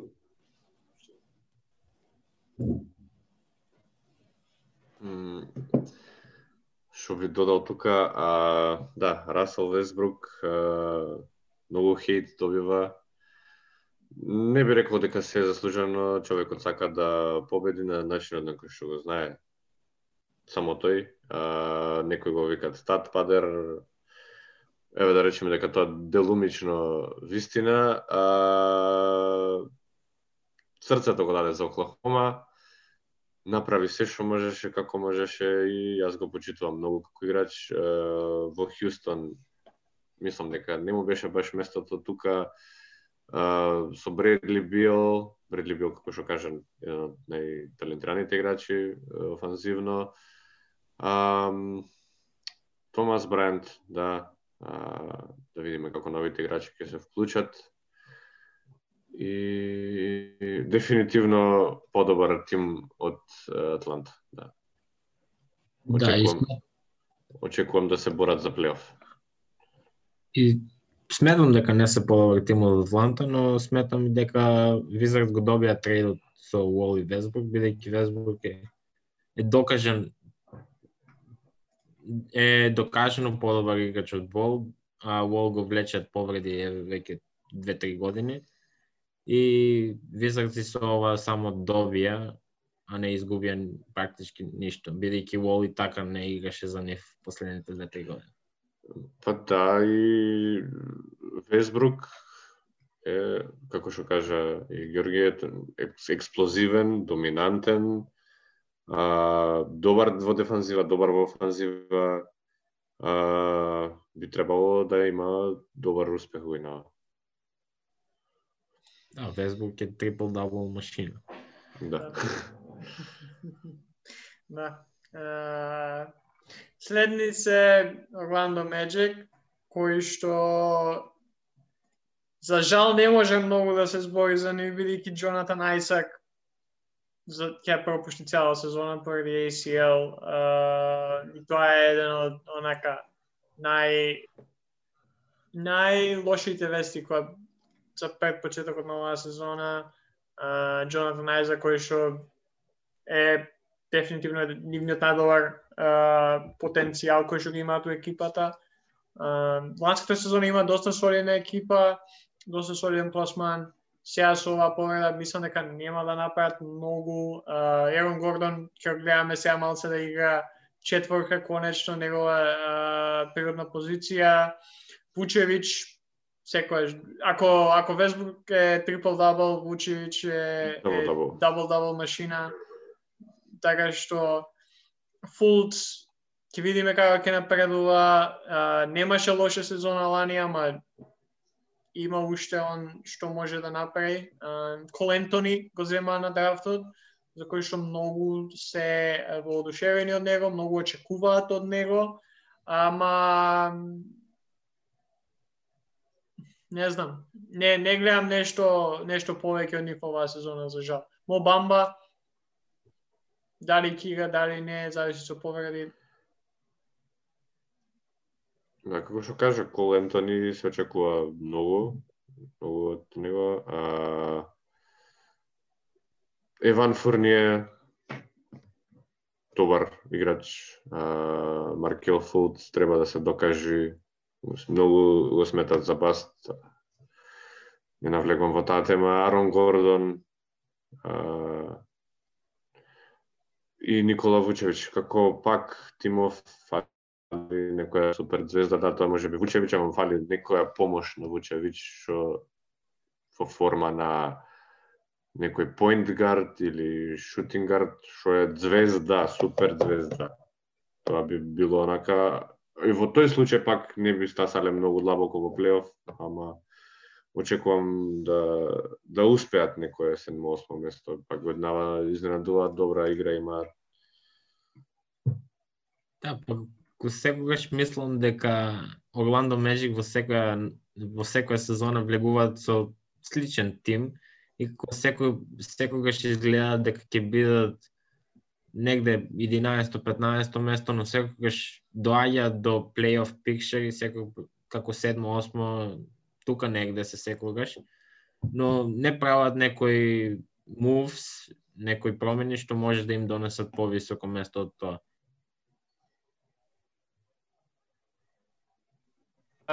И за крај последната 15-та екипа, Мајами Хит, овде би му дал на Мартин да, да, да ја представи екипата, пошто нели, негов нивни фане.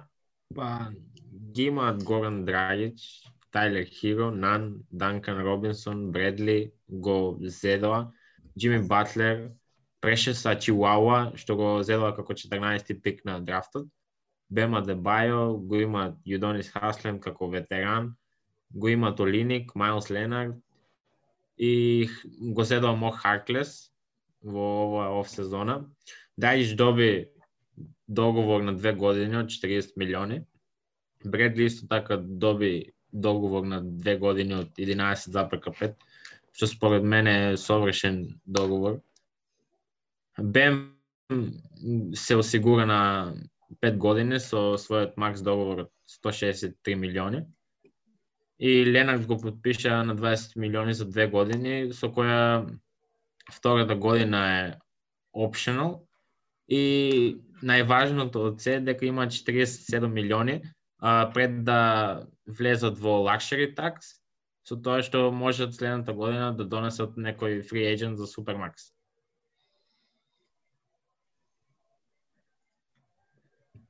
Како се оди на следната година all in. Да, мислам дека оно што ги одликува хит и, и ова само би го кажал кај нив е континуитетот и искуството, Ерик Сполстра, а, има систем, знае како да работи едно најдобрите, ако не и најдобар тренер во лигата. Дефинитивно а, има искуство, Джими Батлер покажа дека може да биде лидер. Дали тоа е доволно да освои титула? Мислам дека не, убаво кажа Мартин, следната година е за нив она најбитна, дали ќе може во текот на летото да дојдат, да дојдат тој missing piece, кој што не знам дали би бил uh, Јанис или Джеймс Харден или некој од поголемите звезди, за да им го дае оно, оној uh, чекор понатака да ја освојат лигата, ама мислам дека Мајами Хит uh, ќе си остана во врвот на конференцијата, ќе играат добра кошарка и ќе бидат интересни за гледање. Да, се согласувам. Многу ми е мило што Джими Батлер докажа кој е и што е, а тоа дека не е канцер. така го нарекува. Рекува дека во соблекувалните бил многу токсик и дека многу а, широко негативна енергија, човекот сака да победи и се прави за да победи. Го докажа да ова година, го докажа да минатата година и е, може би имал лош пристап, но е, човекот сака само да победи и е, многу, многу немам коментар за извонрен на дисплеј имаше претходната сезона. А, Тайлер Хиро ме изненади, не можам да опишам колку, А, Данкан Робинсон исто така одличен шутер. Мейерс Ленард добро си ја вклопи во ова. Не доволно колку а, колку да речеме Кили Олиник. Кили Олиник имаше многу добри утакмици во финалето. Ейвери Бредли е додаден, а, Горан Драгич, надеваме повредата брзо ги помине. А, Андри Годала е, не знам, во наше време еден од најдобрите онбол дефендери. Кендрик Нан. Следната сезона, како што кажавте, следната сезона е таа сезона. Дали може да го доведат Јанис, дали можат уште една звезда, тоа е, е потребното за да освои титула. Да, и Горан Драгич пред неколку дена изјави дека веќе не ја чувствува повредата на ногата и дека е спремен за почеток на сезоната. Да. Да, и со ова мислам дека завршуваме со најавата кој ќе би кој ќе освои дивизијата. Па мислам дека е јасно, Мајами. Да. мислам дека само за првата дивизија беше онака а, не се знаеше.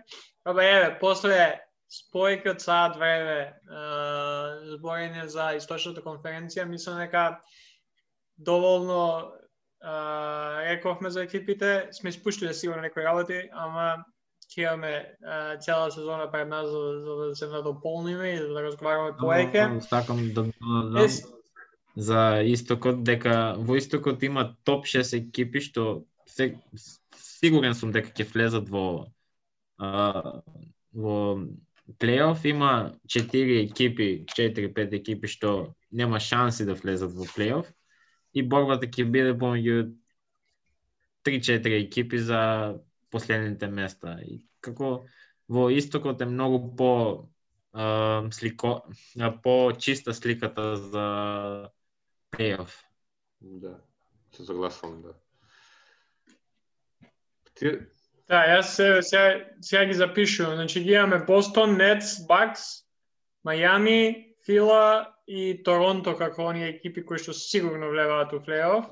ги додали После тоа ги имаме и сега след, следно ми беше Индијана, као Индијана, Wizards, Hawks, Орландо, а, Евентуално Шикаго и Пистонс. да, да, евентуално Чикаго и Пистонс и на крај ги имаме сега ко а, Никси, а, Кавси и ги имаме Шарлот. Океј, супер. Мислам дека да, некој кога ќе види колку колку голем е подкастот може и нема да го слуша, ама дефинитивно а, анализата мене ми се допадна а, и ќе видиме кој е како и каде ќе изненади последната сезона. Мислам дека ќе биде доста интересна и да заокружиме подкастов во последни еве 20 минути, таман да направиме 2 сати да трае, да да направиме нашиот драфт, додека Мартин збореше за Мајами Хит, ја направив драфт а, Simulator, кој ќе иде прв, втор, трет пик. А, Филип, ти го ти имаш честа да го отвориш овој прв а, воведен драфт на, на без коски а, и а, го имаш првиот пик. Мартин, ти си втор пик, а ја ќе бидам трет пик. И, а, значи, ги бираме, тие што Мислам, предлагам, ако имате можност да го гледате ова со видео, а, право веднаш кога ќе ќе ги избираме драфтовите, кога ги избираме дресовите, ќе ги имате на екранот. А, така што ако не слушате на аудио, ќе мора да ги проверите како изгледаат дресовите. А, темата, како што споменав, е новите City jerseys во NBA. Филип, Одиме само од источна конференција, нели така како што Па може, може ако сакаме од источна конференција, да. А, ја ја се спремав за целото, ама Не, не може цело, цело. А, искрено вака како има неколку а, дресови што ми се допаѓаат и а, така уште а, искрено а, оној тим што би му го дал првиот пик е Мајами Хит. Океј, мислам дека као не ми, не ми е омилен дресот, ама е непрекосновено број еден. Као Нешто ново, нешто различно, нешто Uh, сме, сме, сме ја виделе оваа комбинација, мислам не во една, во еден дрес, uh, Мајами имале розови дресови, имале uh, таа небесно плава и сега заедно во еден дрес извонредно. Мартин, да кажеш нешто? Јас Па се знае дека сме во се најдобри. А, како- мој пик би го одбрал дресот на Индијана, многу ретро е и ми се допаѓаат ретро дресови и мислам дека мојот пик оди кај Индијана. Не знам, јас имав, имам едно е, 2-13 дресови кои што ги имам избрано на мојата драфт борд. А, Индијана ги немам. А, сега баш го гледам дресот. Дефинитивно нешто ново. Као ретро, ако, ако некој е повеќе ретро, мислам дека ќе му се допадне дресот. Ја не би го избрал моите топ 5, ама не е лош пик. До душа може може да го избереш у, у втора, трета рунда, ама не не мислам дека е прва рунда пик.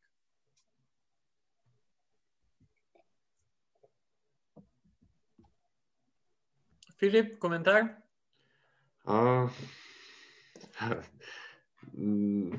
да, ја очекував искрено повеќе од Торонто, некој е ретро, ама тоа не се случи. То, толку ви додал, не, немам. Да. Ја ја се имам два пика а, и а, мислам дека прво ќе идам со дресот на на Сан Антонио, кој што за мене а, е еден од најдобар најдобар а, од овие нови а, City Jerseys. Едноставно оној трибют дава до до она фиеста лого што го имаат у минатото. А, ми, ми се допаѓа дизајнот и како се тоа е вклопено со со фонтот.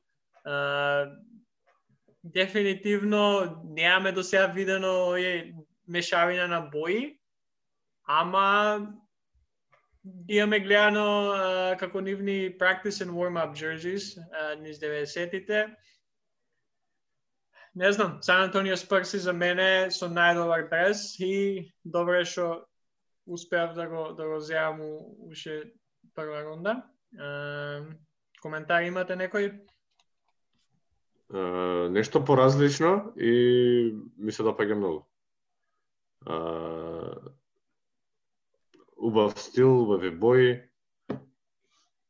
Се согласувам с Па искрено на мене не ми се допаѓа толку многу.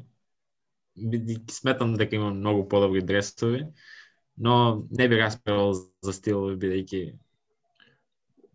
Тоа што треба се да го сватиме сепак ова е наш личен вкус. Да, да, да. Сите имаме. Па добро, да, ќе ќе видиме на крајот кога ќе ќе ќе даваме да гласаат луѓето што не слушаат, да видиме кој кој најдобар вкус има у дресови. А, како втор мој пик или четврти вкупно ќе ги изберам Phoenix Suns. Не знам. The Valley of the Sun.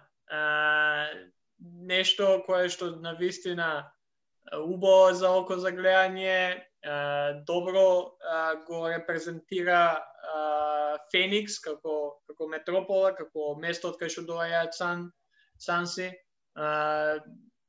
Боите супер идат заедно. Феникс Санс четврти пик на драфтот. Yes. со креативноста. Да. Да, и на мене Феникс Санс ми се едни од најдобрите City Jerseys бидејќи се нешто ново. Да. Сега е Мартин. Ти си на You're on the clock. Да, ќе ги изберам дресовите на Orlando Magic. Okay. Одиме во ретро стил. Ме подсеќаат на 90-те Magic и мислам дека 90-те Magic се едни од најдобрите дресови што ги имат произведено во цела NBA и би одел со нив. Добре, баш да. old school се. Да, да, поготово со pinstripes. Uh, и малце интересна ми е новата боја која што ја даваат, не не типична на на Орландо, бидејќи нели познати се по плавата боја. Uh, портокалово еден од подобрите дресови без без uh, без размислување. Uh, јас за мојот шести би ги избрал Memphis Grizzlies. Океј. А, а, интересна комбинација на бои. А, мој стил искрено ме бендесува такви луди бои, мешавина од бои и баш ме бендесува тука страничниот а, а, страничниот дел и околу вратот. А, во комбинација со златно и бело, црна боја, баш мој стил да речам, а омилени би ми рекол од ретро, жалам што ги нема пак Мемфис и Мемфис има ланските дресови како старото лого им беше многу убав тој дрес и од uh, Торонто. мислам дека кажа се што можеше да каже за, за дресовите супер се дефинитивно а, се на, на мојата листа на дресови на, на едни од подобрите добар пик. Па да, и на мене ми се ми се бендисува стилот што го имат гризли со дресовите и сметам дека е добар пик. Филип, you're on the clock. А, на 9 така седмо е. Седми. Извинувам. А Бруклин Нетс. Пак тој стил. А, гледаме години назад дека се во некој а, графити а, стил правени. А, ми се допаѓа боите, ми се допаѓа нешто ново, иновативно. Да, ако ако не ги земеше ти сега и Мартин, ако не ги земеше, ја Бруклин иде исто. Жалам вака. Ти ги избрав. не, не, супер се, одлично. Мартин, ти? Clock. Да. Би ги избрал дресовите на Golden State Warriors. Не, бе. Сметам дека по реакцијата на Георги сметам дека се е јасно зашто ги избирам. Значи, буквално ги имам Warriors и Бруклин еден под друг на, на мојот драфт борд, за да ги земам сяка од 9 и 10. Ау. Добро. Е, не, Warriors и супер. Као, после Спарси може и омилени ми се, пошо а, даваат оној збориве за троубек, као темата на, овие дресови е троубек. И Да. тоа што имаат Окленд на, на, на, на напред, многу ми се свиѓа, бидејќи иако веќе не играат таму, сепак дава тој трибют а, за тие 50 години поминати таму. Боите, онака ретро Сан Франциско Warrior стайл. А, не знам се сега не знам шо, кој, кој да ги изберам. А, се, окей. Со првиот пик, тоест со, со девети, ќе одам а, Кливленд, Капси. Нешто налик на, на Бруклин Нетс, со овие поразлични фонтови, со малце графити стил. Не, не целосно, ама дефинитивно а, ми се свија убава комбинација на боите а, и, и, и она, фонтот, кавси, а, онака, у рок н рол стил, што се вика. А, да. Доста ми се свиѓа. А, може да се види убаво као а, Pink Floyd и David Bowie на у фонтот кој го имаат, тоест логоа, логоата од овие од бендот и артистот. Онака, солиден пик, јас сам би си рекол на себе, ама еве, ако имате некој коментар, слободно. Не, одличен избор. Толку е, толку е. Да, како сметам дека со овие верзии на дресовите нема промашај. Да, е сега. Следен. Е сега следен е тешко да, да изберам.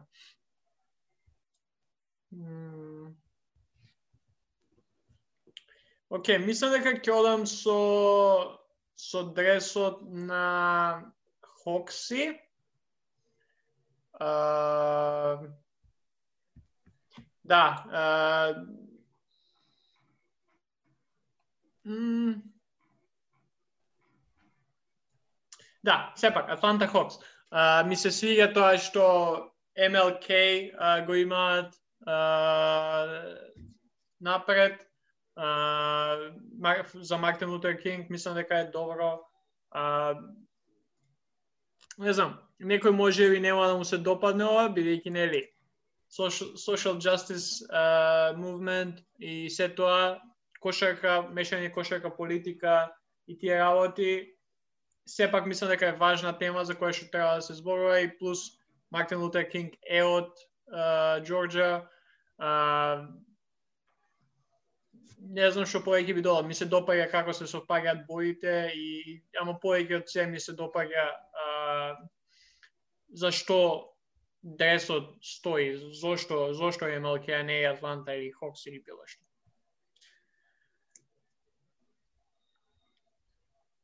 Мартин, you are on the clock. Па, би ја одбрал Бас Сити или Шарлот Хорнец.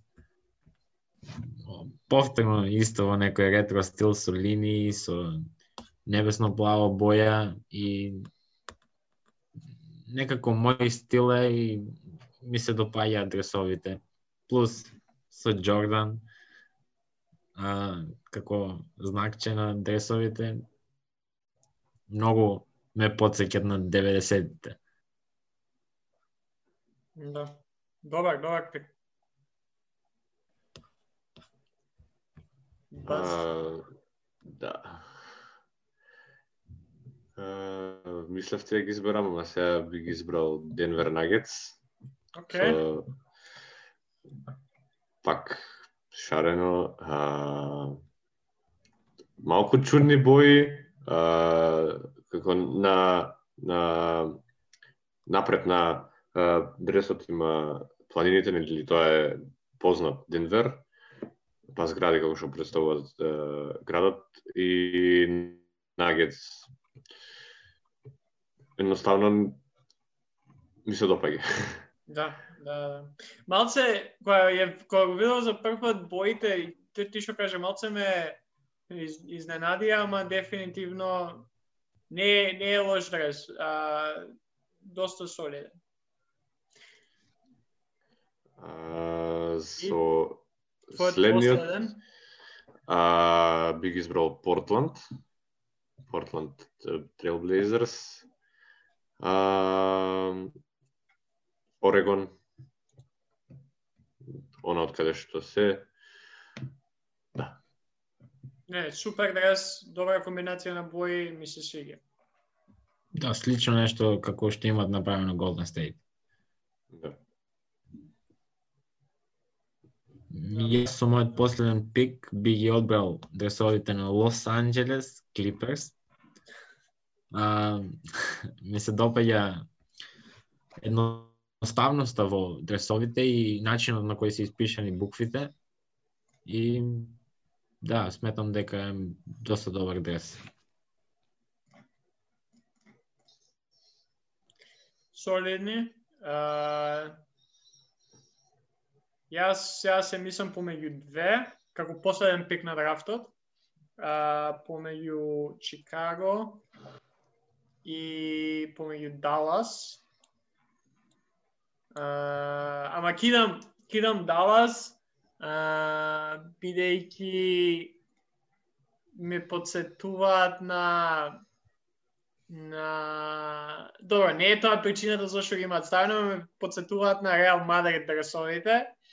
А, и, и со самата таа аналогија дека Лука Дончич играше во Реал Мадрид пред Далас, го сакам тоа. Не сум фан на Реал, ама ама историјата која има Лука со Реал доста ме онака а, ми се свиѓа. А, инаку да, убав дрес, нешто различно за Далас од тоа што сме досега навикнати. 10 години од год, 10 год, 10 годи, да, 10 годишнина од, од титулата од 2011 а, Uh, од ова што читав, uh, The Wings uh, на страната, тоест од страна што име, uh, представуваат acknowledgement на на, на крилата на Pegasus, uh, the mythological creature which watches over Dallas City.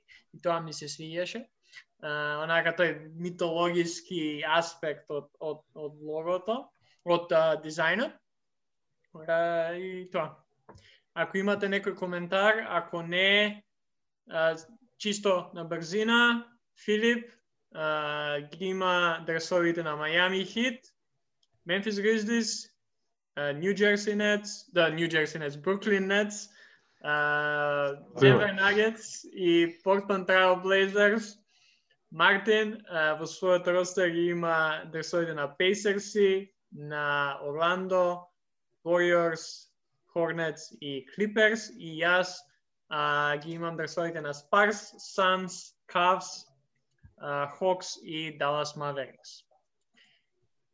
И со ова, ако немаме, ако немате вие нешто да додадете, ја би ја завршил епизодата, првата епизода на Бескоски, после цели два сати снимење, може малце помала ќе биде епизодата после едит, ама ја уживав и едва чекам а, да ја снимаме следната епизода каде што ќе разговараме за западната конференција која што може уште подолго да не да не фати. Да, да, да. Се согласувам. па добро, а, за тие што не изслушавте целосно, браво за вас а, на вистина а, мислам дека направивме добар добра содржина, добро добра анализа на на конференцијата и ќе ве повикам да не слушате на сите аудио стриминг сервиси, како Spotify, Google Podcast, uh, Castbox. Чекаме уште да не да не прифатат на Apple Podcast, а епизодата исто ќе оди uh, и на YouTube така што може таму и со видео да не гледате. И да, останете со здравје, а, не идете многу надвор ако не треба, играјте кошарка која ќе можете и сега го гледајте гледајте МБ.